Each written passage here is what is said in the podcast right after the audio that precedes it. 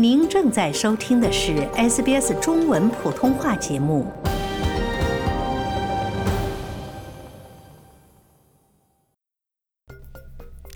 大家好，我是 Lauren 陈龙。本期 SBS 新闻快报带您关注墨尔本著名地标的最新动向。一名神秘的买家正在考虑收购墨尔本之星 Melbourne Star 观景摩天轮，这引发了人们对这一位于 Docklands 备受争议的旅游景点或将得以重生的希望。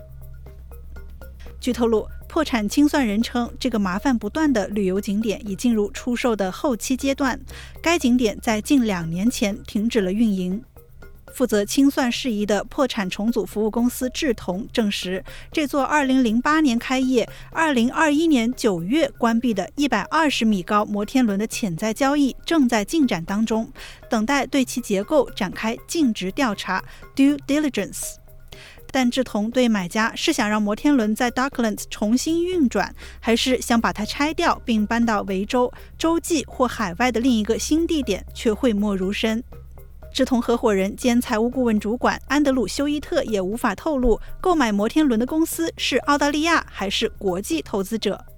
休伊特说：“目前我们正在与一方进行有关墨尔本之星观景轮的工作，他们已经开始进行尽职调查，以评估摩天轮的运营问题。完成后，他们将决定是否收购资产。”据悉，Docklands 区的企业已经为摩天轮的收入损失提起了法律诉讼，这可能会加速收购进程。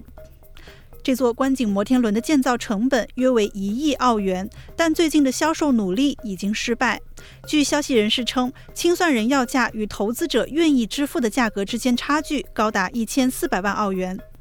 之前的潜在买家曾表达过对重新启动摩天轮、将其迁至其他地点以及将其带到海外的兴趣。墨尔本市长沙利卡普支持重新启动这一项目，称该项目是游客从机场通过博尔特大桥进入墨尔本时首先看到的地标之一。他说：“墨尔本市将热切期待 Melbourne Star 观景摩天轮项目的下一步，这是我们 Docklands 区内的一个黄金地段。自2021年关闭以来，市政府一直准备支持该项目或地段的下阶段发展。”摩天轮的运营公司在墨尔本严厉的新冠封锁期间积累了超过三百九十万澳元的债务，随后将这座世界上最大的观景摩天轮之一进行了清算。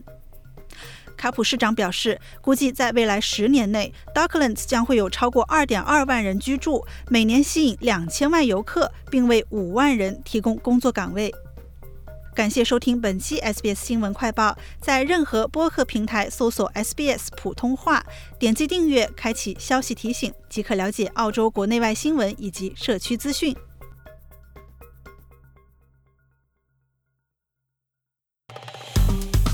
喜欢、分享、评论，